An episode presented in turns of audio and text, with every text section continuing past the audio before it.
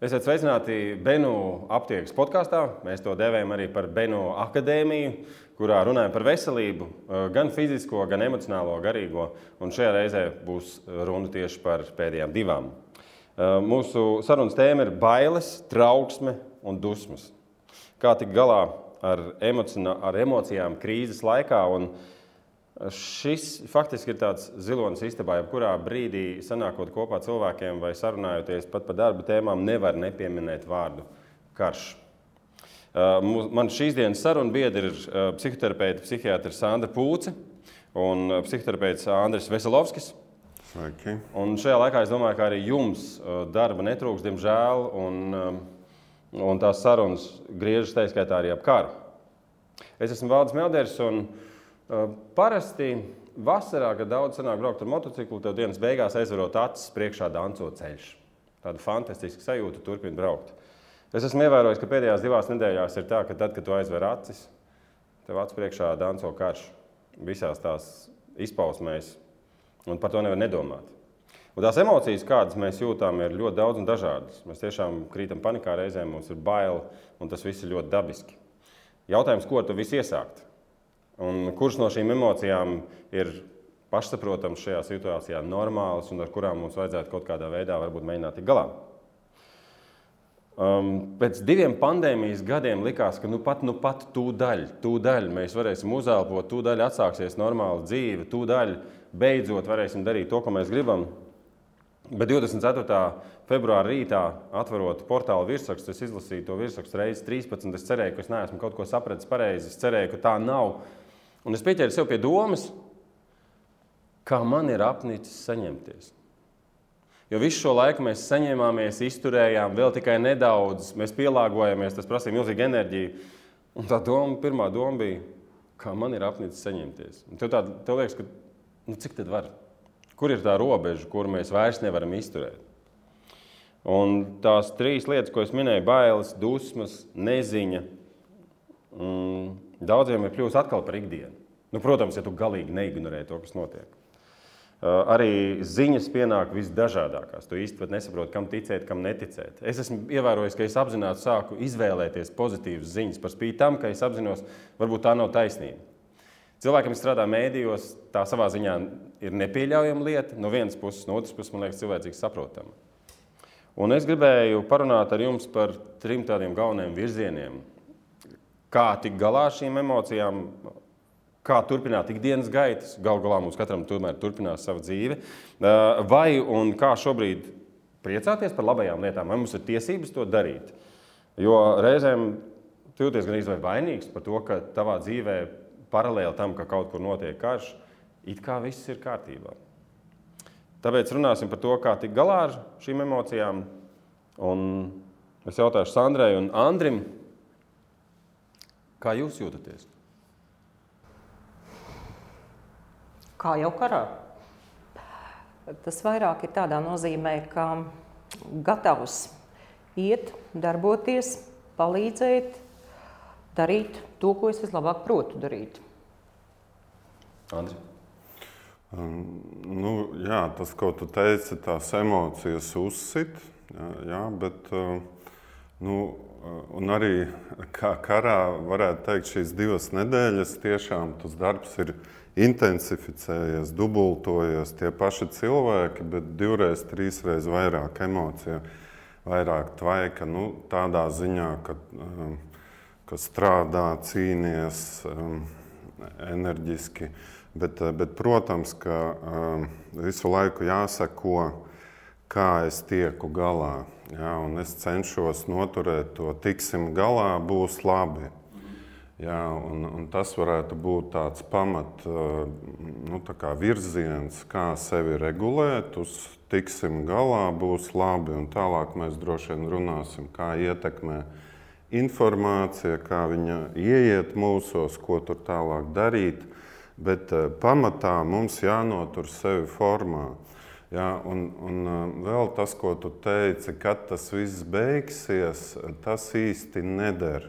Ja, jo jau iepriekš bija saprotams, ka tas būs ilgi, labāk ir es pielāgojos šajā situācijā, pa, varbūt paveikšu mazāk vai netikšu galā tik labi, bet uh, ekonomiski eju cauri, izdzīvoju, esmu plusiņos.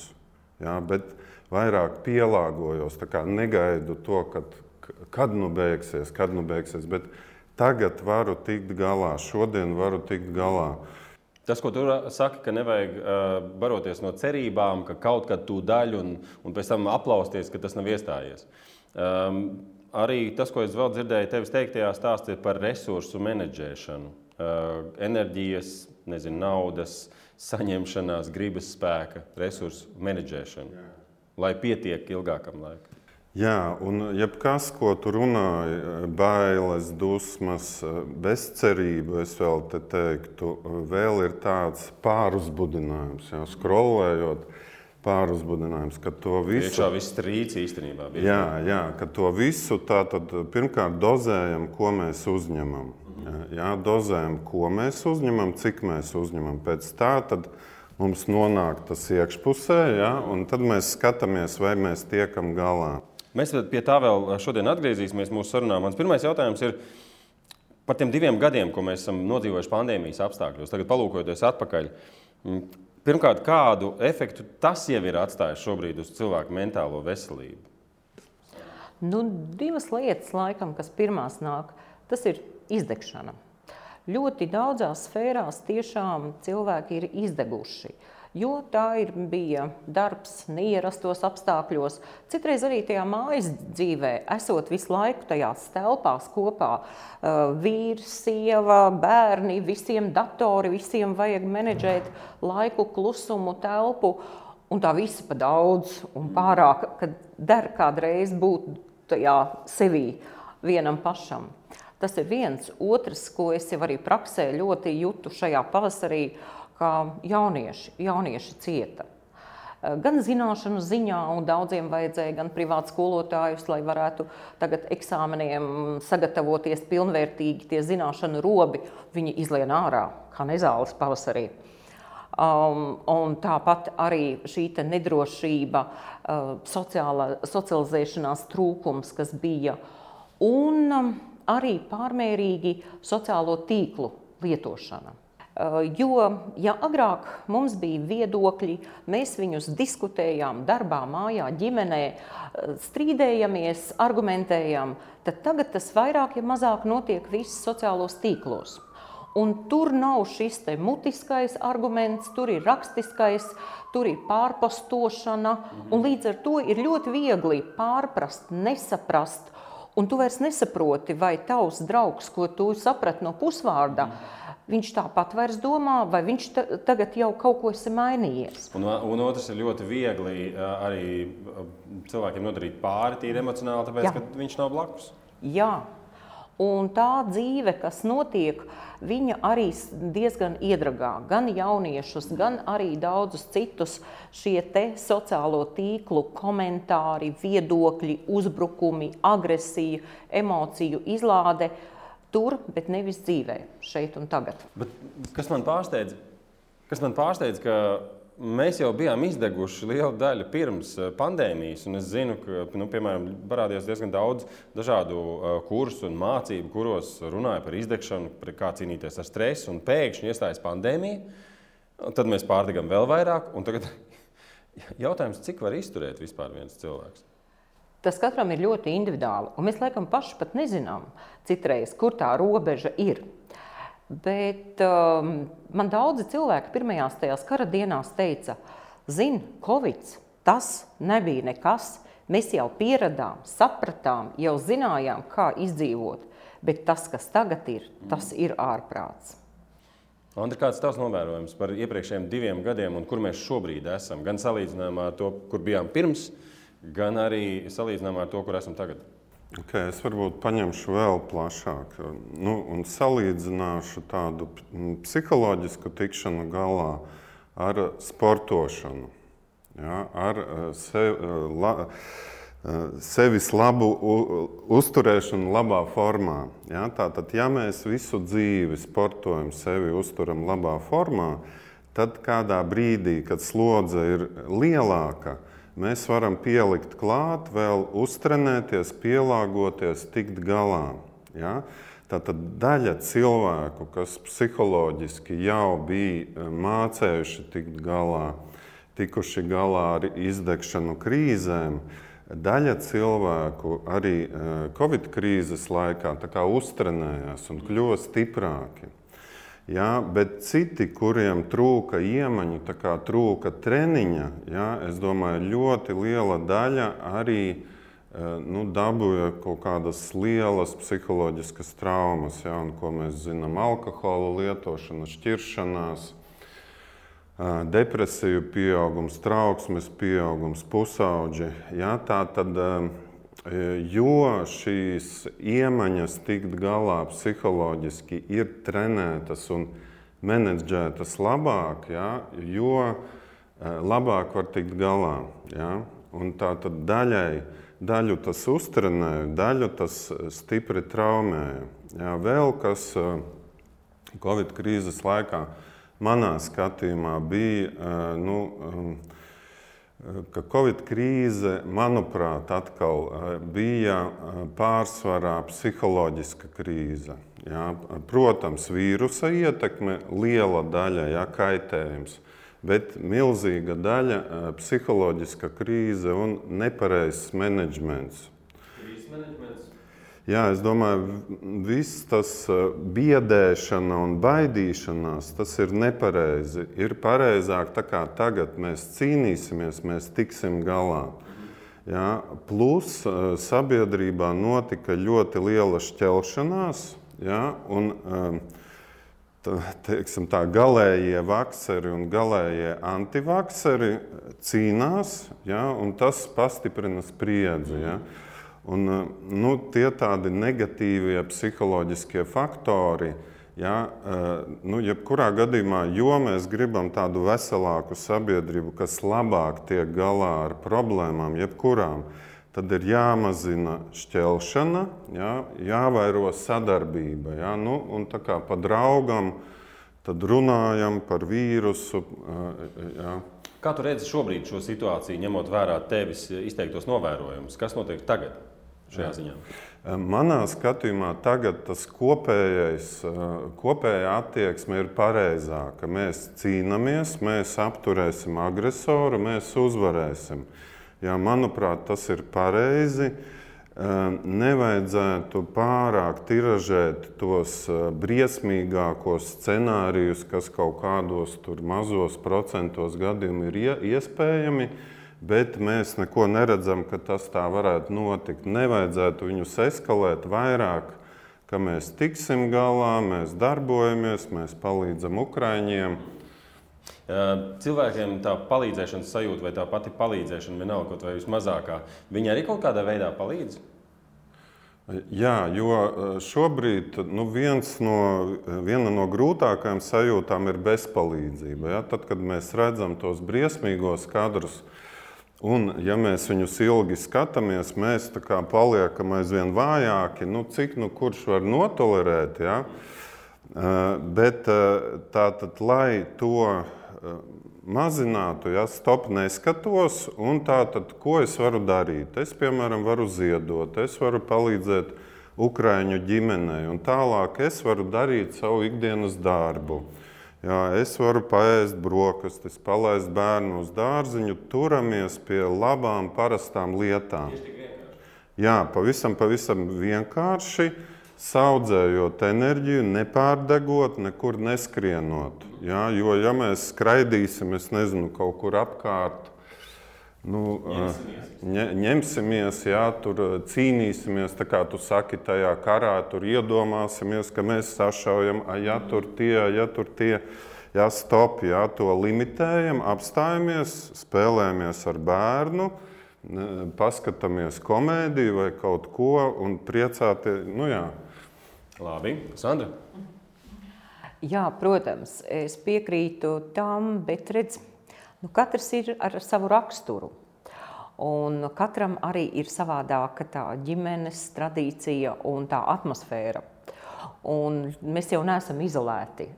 Mēs esam ļoti sasaistīti ar to, kas notiek mūsu darba vietā, ģimenes vietā, mācību tajā mm, posmā.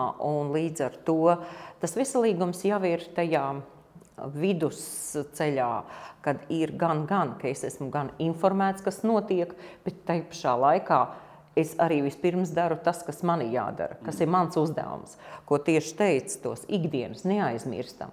Jā, ir karš, ir situācija, bet tai pašā laikā mums ir jāizdara tas, kas mums ir šodien. Redz, man liekas, gandrīz vai pretdabiski kara apstākļos saglabāt mieru. Jo tu nevari nedomāt par to, ne, tev nevar būt vienalga. Vai Latvijas iedzīvotājiem izdodas saglabāt to mieru, un kas tomēr ir pareizāk? nu, adekvāti reaģēt uz situāciju, vai arī mēģināt visiem spēkiem kaut kā darīt visu, kas tev to mieru nodrošina? Pirmais, man pārliecība ir vispirms pareizi uh, analizēt situāciju. Jo tas, ko pēkšņi es arī savā burbulī dzīvojot, man arī likās, ka visi mēs domājam vienādi. Un tad pēkšņi parādās, ka turpat līdzās manā uzņēmumā, manā slimnīcā ir cilvēki, kas domā savādāk. Un pēkšņi Facebookos izlasu tādu jautājumu, redz, kāpēc tik daudz visi tagad ziedo Ukrainai, bet tik maz ir saziedojuši Latvijas bērniem un kaut kādas līdzīgas lietas, kas mani vienkārši nošokēja, ka šī neizpratne par situāciju. Ja tas cilvēks atklāti teiktu, es noteikti varētu runāt, stāstīt, ka tās nav salīdzināmas lietas. Ne tajā situācijā, ne cilvēku apjomā, ne daudzās. Bet tas notiek tā paslepus, bet tas notiek. Un tas ir vienkārši nu, jāņem, lejā, jāņem vērā. Un tas, ko arī Andris saka, ka mēs nedrīkstam uzreiz būt karavīgi un atkal manējie un tie ir otri. Uh, bet mums jāatrod to gudro veidu, kā parādīt, ka tomēr mm, dzīve ir dzīve un ka tā informācija ir jāņem tāda reāla, ticama un nevis tikai no Facebook un dzelteniem preses. Sandra, bet būsim godīgi, ir cilvēki, kuriem ir uh, spēja un resursi un uh, gana savaldības un nervu, lai varētu pieiet tā neitrāli šai lietai, un ir cilvēki, kuriem nav tāda spēja, kuriem jau viss resursi beigušies, viņš vienkārši vairs nevar izturēt. Un loģiski, ka viņa pirmā reakcija ir uh, nu, agresija, vai bailes, vai bažas. Uh, to mēs varam saprast. Tātad, vai šiem cilvēkiem, kuriem nav šo resursu, ir kaut kādā veidā iespēja sev pasargāt un to mieru tomēr saglabāt? Nu, pirmais, laikam, ir kaut kur savu to trauksmi, nemieru, bailes un to emociju, viņu ir jāizliek. Mm. Un vislabāk un veselīgāk tas tiešām būtu šis aktivitāte. Ej uz mežu, vāc zarus un skrien un, un, un skaties putnus un, un, un, un palīdz vai, vai, vai kaut, nu, dari kaut ko liederīgi, bet fiziski izlādējies, atrod ko. Tā ļoti vienkāršoti arī, teiksim, kad man jaunieši nāk, es bieži vien puikām saku, Eh, ka tur nav naudas, nav iespējas un vēl daudz, kas ir sevišķi Covid laikā, kad nevarēja apmeklēt. Es saku, durvju ailē ieliekat boksa bumbieri mm -hmm. un vienkārši, Malci. jā, meitenes ieslēdziet mūziku un izlēkājiet. Vienkārši izkritiet, izdabūnat to ārā un tad sāksim domāt un iet tālāk. Un par spīti tam, ka tur ārā ir karš, tā izlēkāšanās skaļas mūzikas pavadībā šajā gadījumā ir ieteicama pat nevis pretdabiski. Jo tas būs daudz labāk nekā tu iziesi tāds niknus uz ielas, un tad pie mazākā aizskāruma kādam dos pretī ar agresiju, vai arī pretēji tu visu sevi apslāpēsi un depresijā iesi dziļumā. Andri.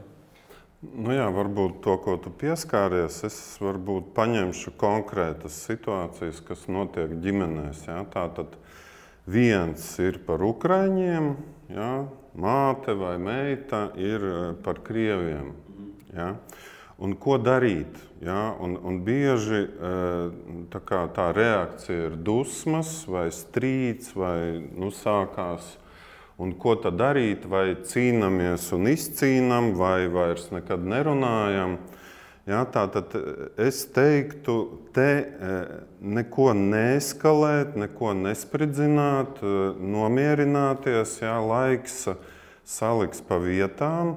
Jā, bet ja tas nu, radinieks tur neskrien ar granātu jā, vai nestāv ar plakātu par karu, jā, tu, nu, neko viņš tādu nenodarīs.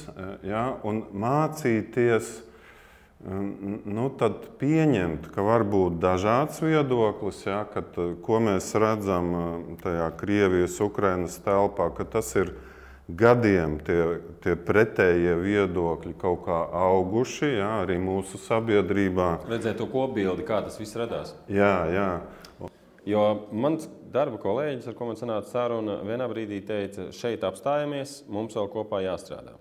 Vai tā ir pareiza taktika, vai tas atrisina šo problēmu, vai mēs vienkārši viņu atliekam? Nu jā, bet vai viņa šobrīd kaut ko nodara? Nu, jums ir pretēji viedokļi. Eh, ja jūs nezināt, ko tur ar viņu darīt, jūs noliekat un jūs strādājat. Ja, ja, uh, Tas bija tam, ka saglabājas tāda savstarpēja neusticēšanās. Tomēr. Nu, jā, bet šobrīd ir svarīgi saglabāt, tātad saglabājam visu labo, jā, kas arī ir jebkurā krīzē.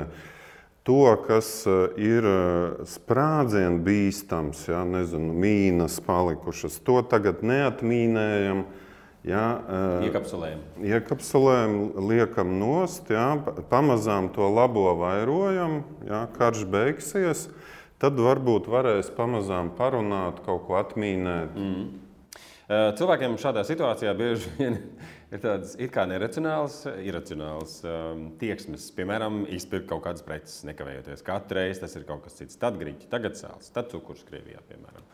Uh, no kurienes tas nāk, kāpēc mēs tā darām, vai tas ir adekvāti? Hmm. Es jau gan atceros, ka mana māmiņa, kurā nu, jau ir viņa saulē, bet nu, 29. gadā dzimusi bija. Viņa tos kara gadus atcerējās un stāstīja, un visu laiku mācīja, ka vajag kaut ko tā kā nu, nebaltai dienai teiciens. Tad nāca mūsu brīvvalsts, taloni, nu vēl pirms tam tā šī talonu sistēma, mēs atceramies, ka katrā otrā mājā bija uh, gan pulveri, gan veļas ziepes, gan es nezinu, kas nu vēl tur viss. Tā kā nu, mēs jau tam visam esam gājuši cauri, bet, protams, kad situācija ir mainījusies, un, protams, ka tas nav vajadzīgs. Tas, ko mums tā tīri valstiski saka, nu, pieņemsim, slimnīcā mums ir rekomendācijas, un tas ir ļoti pareizi, ka jābūt, teiksim, trīs mēnešu iekrājumam, medikamentu krājumam. Tāpat, teiksim, valstiski patreiz runājot par benzīna cenām, ka jā, ir vismaz jābūt divu mēnešu nu, degvielas krājumam. Valsts līmenī. Valsts līmenī, jā, ka nu, tādam uzkrājumam. Tāpēc, ja cilvēks saprātīgi, teiksim, mēnesim uzkrājumu liek, Tas man liekas tikai normāli, jo dažkārt tas ļoti noder. Tad, kad visi trako un ir rindas, tad es mierīgi varu pasēdēt mājās, un pēc tam jau es atkal varu kaut ko atjaunot. Mm. Bet tas nedrīkst pāriet nu, tādā vākšanā, krāpšanā, jo mēs jau zinām, kad, uh, ko vāc, vācējs to. Tas aiziet bojā un kodas apēda. Jā, jā, jā. Kā ir gadījies nereiz vien, pat, pat ilgstoši nekrājot lietas. Uh, Andri? Nu, es, es domāju, ir jābūt gataviem un arī kā, valsts līmenī, ka šīs reakcijas var būt visdažādākās. Ja? Un tas, ko Sandra saka, nu, man arī tēvs vēl ir cietis badu kara laikā. Ja? Un, un man arī tas kaut kur sēž, un man bija tas impulss skriet un pirkt. Ja, bet nu, atkal reaģējam racionāli, nomierinamies, skatāmies Jā, bet ka, ka mums katram var būt kaut, kaut kas tiešām neparasts, jā, un, un, un arī reāli tās reakcijas cilvēkiem. Mums bija arī ar kolēģiem supervīzija grupa. Arī ļoti interesanti, ka, ka katram e, savādāka reakcija un viņu klientiem savādāka reakcija. Mm -hmm. Par reakciju runājot, kas ir tas, pēc kā mēs varam pateikt, ka mums jāpievērš uzmanība, piemēram, bērniem? Varbūt viņi neko nesaka, bet ir kaut kādas pazīmes, pēc kurām ir skaidrs, ka vajadzētu par to parunāt. Vai kaut vai par kolēģiem runājot, vai par uh, dzīvesbiedru runājot, kurā brīdī mums jāsāk uztraukties par spīti tam, ka mēs pat par to varbūt nerunājam? Nu, man liekas, ka ar maziem bērniem viss ir skaidrāk. Un, um, man par lielu pārsteigumu arī mans mazdēls, četri gadi vecais, no rīta, kad visi svētdienas rītā um, viņi atbraukuši ciemos, mēs visi apsēžamies pie lielā galda, viņš novēla visiem labu apetīti un piebilst tiem, kas nekaro svešā zemē. Oho! Jā, man arī acis bija lielas. Bet tas ir četri gadi. Bērnu dārzs. Labu apetīti visiem, kas nekaros Svešā svešā zemē. zemē. Jā. Uh, Tā kā mēs domājam, ka mēs tur viņiem skaidrojam, bet viņi visu dzird, viņi visu redz, un viņi paši savā spēlēs un ikdienā arī daudz ko izspēlē. Un tur mums ļoti ir jāskatās, lai nebūtu tas naids. Mēs sitīsim tos krievus vai vēl kaut ko, ka nevis nāciju, bet uzbrucēju. Ka tur ir tā starpība. Mēs nedrīkstam tagad sadalīt. Vispārināt. Jā. Bet mēs zinām arī, ka stresa situācijās un, uh, un, un tam līdzīgos gadījumos nu, mēs ļoti sašaurinām to savu skatu punktu. Viņš, viņš kļūst tāds nu, izdzīvošanas līmeņa skatu punkts, kur ir tikai melns un balts. Protams. Bet runājot vēl tālāk, tātad, tas ir jaunākais vecums. Bet daudz lielāka uzmanība, es domāju, būtu pusaudžiem. Jo pusauģi vairāk patur sevi vai arī savos tīklos dalās, un pusaudžiem šī te depresivitāte eh, diezgan ātri pienāk, jo viņi, nu, viņiem pietrūkst vēl tā noturība, tā pieredze, un uh, tur ir arī attiecības un daudz citas lietas. Un tas ir gan, ko vajadzētu mums parunāt ar saviem uh, pusauģu bērniem, kā viņi jūtās, kā viņi saprot un kā mēs viņiem varam palīdzēt. Uh, Vai jautājums, uh, ko tu par to domā, uh, ir svarīgs, vai tomēr palikt pie tā, kā tu jūties? Es domāju, pirmais, kā tu jūties. Kā tu jūties? Jo domas mēs varam mainīt. Tas jau ir mans arī uzdevums, kad nu, parādīt savu viedokli, lai, ļaut, lai otrs izsaka tavu viedokli, un tad mēs mēģināsim kaut kā nu, to vidusceļu atrast. Bet uh, nedrīkst uzreiz, ka mans viedoklis ir tas pareizais un vienīgais. Nu jā, es vēl pielikšu kaut ko klāt, kad um, vērot, ja, kā bērns izskatās, kā viņš spēlējās, uh, kā, kāda ir viņa mīmika. Ja, um, nu, vērojam, kas ar viņu notiek. Ja, un, uh, tas, kas bērniem visvairāk palīdzēs, ir, ka mēs tiekam galā un uh, ka mēs ar viņiem komunicējam, mēs veltam laiku. Ja, un tad caur to komunikāciju uh, mēs kaut ko ieraugām. Viņš tiek galā vai viņš netiek galā.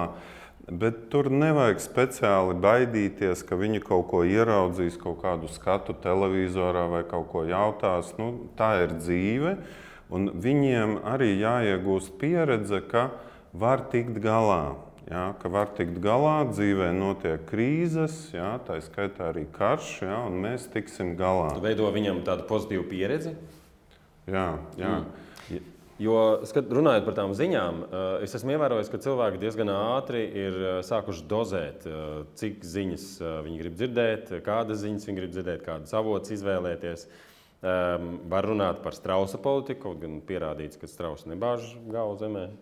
Bet nu, tomēr izmantosim to kā tādu um, piemēru. Va- Vai un cik bieži un kādā veidā vajadzētu dozēt saņemamo informāciju? Es domāju, ka noteikti vajag dozēt atkarībā no tā, kas, kā tas cilvēku ietekmē.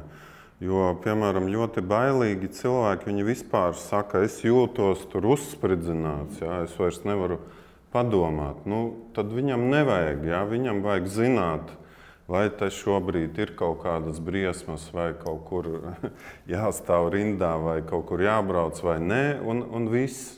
Instruktāža, nevis uh, pasaules aina. Jā, un varbūt viņš saņem informāciju, piemēram, caur kādu drošāku cilvēku. Ah, tu vari izvēlēties kādu padomdevēju. Klau, Jā. es tev reiz dienā piezvanīšu, tu tikai pasaki man to, kas man Jā, jāzina. jā, ir cilvēki, nu, apmēram piemēram, no maniem klientiem puse, jā, kuri nav panikā vai nav izmisuši. Vi- Viņiem ir tas fonā, jā, tā vibrācija, bet viņi ļoti racionāli čik, čik, čik darbojās. Jā. tad tie bailīgie, vai satrauktie, vai bezcerīgie, viņiem jāmeklē šos, kas ir drošāki, kas zina, kā tikt galā.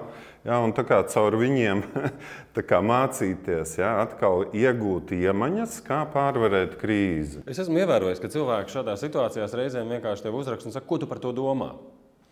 Nu, tad, tad mēs izvēlamies kādu, kuram mēs uzticamies, un kādu, kur mēs nezinu, cienām, kā informācijas avotu, un, un jautājam šim cilvēkam. Sandra, kāda, kāda tava formula? Nu, nav jau neviena tā īstā, un laimīgā un pareizā formula. Bet man, jā, es piekrītu, ka mums ir jāizvēlās šajā brīdī, ar kuriem cilvēkiem būt kopā.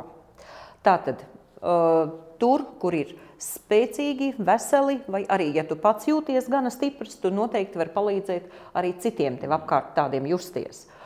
Un, ja apkārt būs ļoti jaud, daudz šādu dezinformatoru, tad arī cilvēks, nu, spēcīgs cilvēks kādā brīdī var sagurt no tā visa un teikt, nu, pie vēlna. Jā, man arī darbā ir bijis, zinu, kāda piekdienas pēcpusdiena, ka jau gatavojos uz mājām iet, man atnāk divas kolēģis un saka, nu pasaki, ka tam visam būs gals un ka tas viss labi beigsies. Un es saprotu, ka tajā brīdī es nedrīkstu teikt, ziniet, piedodiet, man gribās jau skriet uz mājām pie ģimenes, bet ir ļoti svarīgi tajā brīdī palikt un tiešām parunāt, tiešām izrunāt kopā tos uh, pār pret, loģiski, mierīgi, nosvērti. Nu, tas ir tāpat kā ģimenēs. Ja mamma ir nosvērta, arī bērns nomierinās un ir daudz mierīgāks. Un tētis? Arī tētim ir pilnīgi tāda paša loma. Mm, bet nu, es domāju, pat reiz pat par tiem maziem līdz gada vecuma tāda viedokļa. Kas jūt vairāk nekā saprot. Jā, kas, kam ir vairāk tā sasaiste vēl ar to mammu. Bet pēc tam, protams, tas ir no visas ģimenes atkarīgs. Tur arī vecmāmiņai ir liela loma, loma citreiz un pat vēl lielāka. Tā kā ir vajadzīgs, ir vajadzīgs tātad pašam nomierināties, ir vajadzīgs dot citam un arī saņemt. Jo mums ar Andriu precīzi pirms diviem gadiem arī Beno akadēmijas ietvaros, sākoties pandēmijai, bija saruna par to, kā izdzīvot. Un tad viena no tām domām bija, ka ir jādozē informācija, bet otra lieta bija tāda, ka nu, nemēģini glābt cilvēku, kurš, nu, ja tā teikt, grib aiziet bojā. Nu, vai šajos apstākļos ir kaut kas, ko mēs ņem, varam ņemt vērā, kā tu saki, izvēlēties cilvēkus blakus? Um, ko darīt ar, ar tiem, nu, kuri mums nevar palīdzēt. Es nezinu, kuriem tomēr gribas iet bojā un katru dienu, un lai visi to zina. Nu, piemēram, sociālajos tīklos, vai pareizi ir bloķēt kaut kādus cilvēkus, ja, ja tas nav jādara. Jo reizēm saka, nu, tu kā strauss, bāzes galvas miltīs. Um, medicīnā ir tāds mm, termins, kad um, ja tu vari izglābt trīs vai piecus vai vienu, tad varbūt ir jāizvēlās tos piecus, kas grib būt izglābti. Mm -hmm.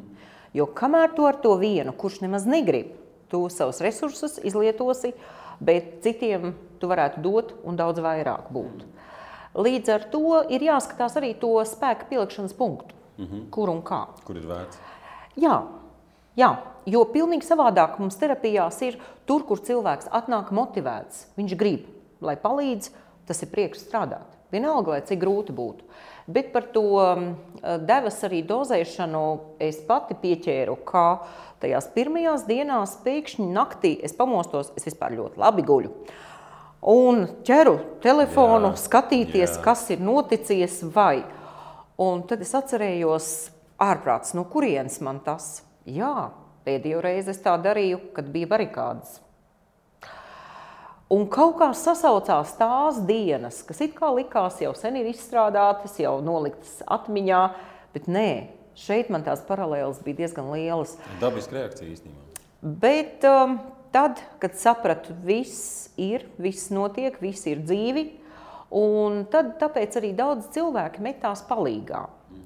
Jo vieglāk ir kaut ko darīt, nekā tikai sēdēt, skatīt un, un, un visu. Un tāpēc arī tiem, kam ir tā trauksme un nemieris, es saku, labāk kaut ko darat. Andri, kas ir ar to bloķēšanu sociālajos tīklos? Ir, ir jēga to darīt nu, tā, lai tev vienkārši nepienāk tā informācija par, cit, par citādi domāju. Es domāju, atkal skatoties, kā katrs jūtās, ja, ja viņam tur kāds sūta kaut ko, kas ļoti kaut kā uzbudina moka, nav izturami, nu, nevajag, ja, tad, tad, tad var, var bloķēt. Un par to glābšanu arī ka mēs nevienu nevaram izglābt nu, kaut kā baigi aktīvi. Jā, mēs varam piedāvāt, mēs varam pastāstīt savu viedokli. Un vislabāk cilvēki ņem, ja viņi redz, oh, viņš tāds tā kā mierīgs, viņš tiek galā. Mm -hmm. Jā, ta, interesanti. Tas ir uzticēšanos. Jā, bet ja mēs tā baigi aktīvi tu nepareizi domā, ja tevi vajag glābt, ja, tad viņš uztver, ka, ka mēs uzbrūkam. Pats nozombēts. Jā, jā, jā tad, no, nu jā. O, re, re, viņi ir pret mani. Ja, no, nu jā. un, un, un tā bija toreiz tā nepareiza. Mieres rada pārliecību. Pēdējais jautājums, ko es gribēju pajautāt, varbūt nedaudz netipisks, vai mums ir tiesības priecāties? Jo man ir sanācis saruna ar cilvēkiem, kuriem saka, zini, man šobrīd visvairāk vajadzīgs tāds mirklis attēlpai. Es nezinu, es gribu kādu komēdiju redzēt, es skatos smieklīgas filmas vai, vai smieklīgas bildes. Vai mums ir tiesības priecāties šādā situācijā? Noteikti. Un šeit mēs varam mācīties no bērniem. Šeit un tagad. Ja šodien ir saule, tad šodien ir saule un brīnišķīgi mēs baudam to. Jo mēs nevaram prognozēt rītdienu, parītdienu un tālāk. Un tas ir tas brīdis, kad mēs varam uzņemt spēkus, enerģiju, lai mums pietiktu tālākam. Un tas ir arī visbeidzot šīs izdegšanas profilaks, ka mēs spējam pārslēgties. Un jo mēs labāk varēsim pārslēgties, vieglāk neņemsim līdzi darbu un mājas, jo mēs būsim stiprāki, veselīgāki. Paldies, Andri! Jā, es vēl šo papildināšu. Tātad, kas cilvēkiem ir grūti, viņiem ieslēdzās vai nu es bēdājos līdzi un esmu līdzjūtīgs. Kā, vai nu ja es priecājos, tad es neesmu līdzjūtīgs. Ja? Tad to var schematiski attēlot tā. Te es jūtu līdzi un palīdzu, un te es priecājos, uzkrāju enerģiju un atkal varu dot. Ja? Tātad manī var būt šīs divas emocijas. Ja? Un varbūt šajā brīdī, kad mēs piemēram arī redzam saulīti, mēs varam priecāties, papriecāties, uzkrāt enerģiju, un citam patīk dejot, citam sportot. Ja? Tā tad darām to. Un, un te vēl ir darbs ar vainas sajūtu. Ja? Jo Izdzīvotāja vainas sajūta. Jā, izdzīvotāja, jā, un vispār vainas sajūta mūsu laikmetā ļoti stipra. Ja kādam iet sliktāk, tad mums kā, nedrīkst iet eh, labi. Jā. Mēs nedrīkstam izbaudīt ēdienu, priecāties. Jā, tad mums arī sevi jāiedzen. Ka tas ir nepareizi, ja, ka šeit tā emocija strādā nepareizi. Mm. Ja? Skaidrs, ka mēs tur nedrīkstam ņirgāties, o, redzi, man, man iet labi, tev slikti. Ja, bet mēs varam te priecāties un uh, dalīties ar, ar to, kas mums ir. Ja, mums nevajag uh, izdegt, sadegt. Ja, bet ja mēs tikai jūtam līdzi un tikai uh, prātā ir karš vai tās bēdīgās domas, tad mēs neglābjami sadegsim. Um, Beno aptiekas podkāsts. Mūsu šīsdienas tēma - bailes, trauksme un dusmas, un kā tikt galā ar emocijām, runājot pavisam atklāti par karu, jo ignorēt to nav iespējams. Es esmu Valdis Melders, un man šīs dienas viesa bija psihoterapeite, psihiatrs Sandra Pūce un psihoterapeits Andris Veselovskis. Un, ja tev šķiet, ka kādam pilnīgi noteikti noderētu šīs podkāsts, lūdzu, padalies. Jo, kā mēs šodien runājām, ir ļoti svarīgi saglabāt to balansu. Jā, mēs jūtam līdzi Jā, bet mums jāparūpējas arī par sevi, lai mēs varam parūpēties gan par saviem, gan palīdzēt tiem, kam ir daudz, daudz, daudz sliktāk. Paldies tev par visu, ko tu dari. Paldies jums! Paldies! Paldies! Atā.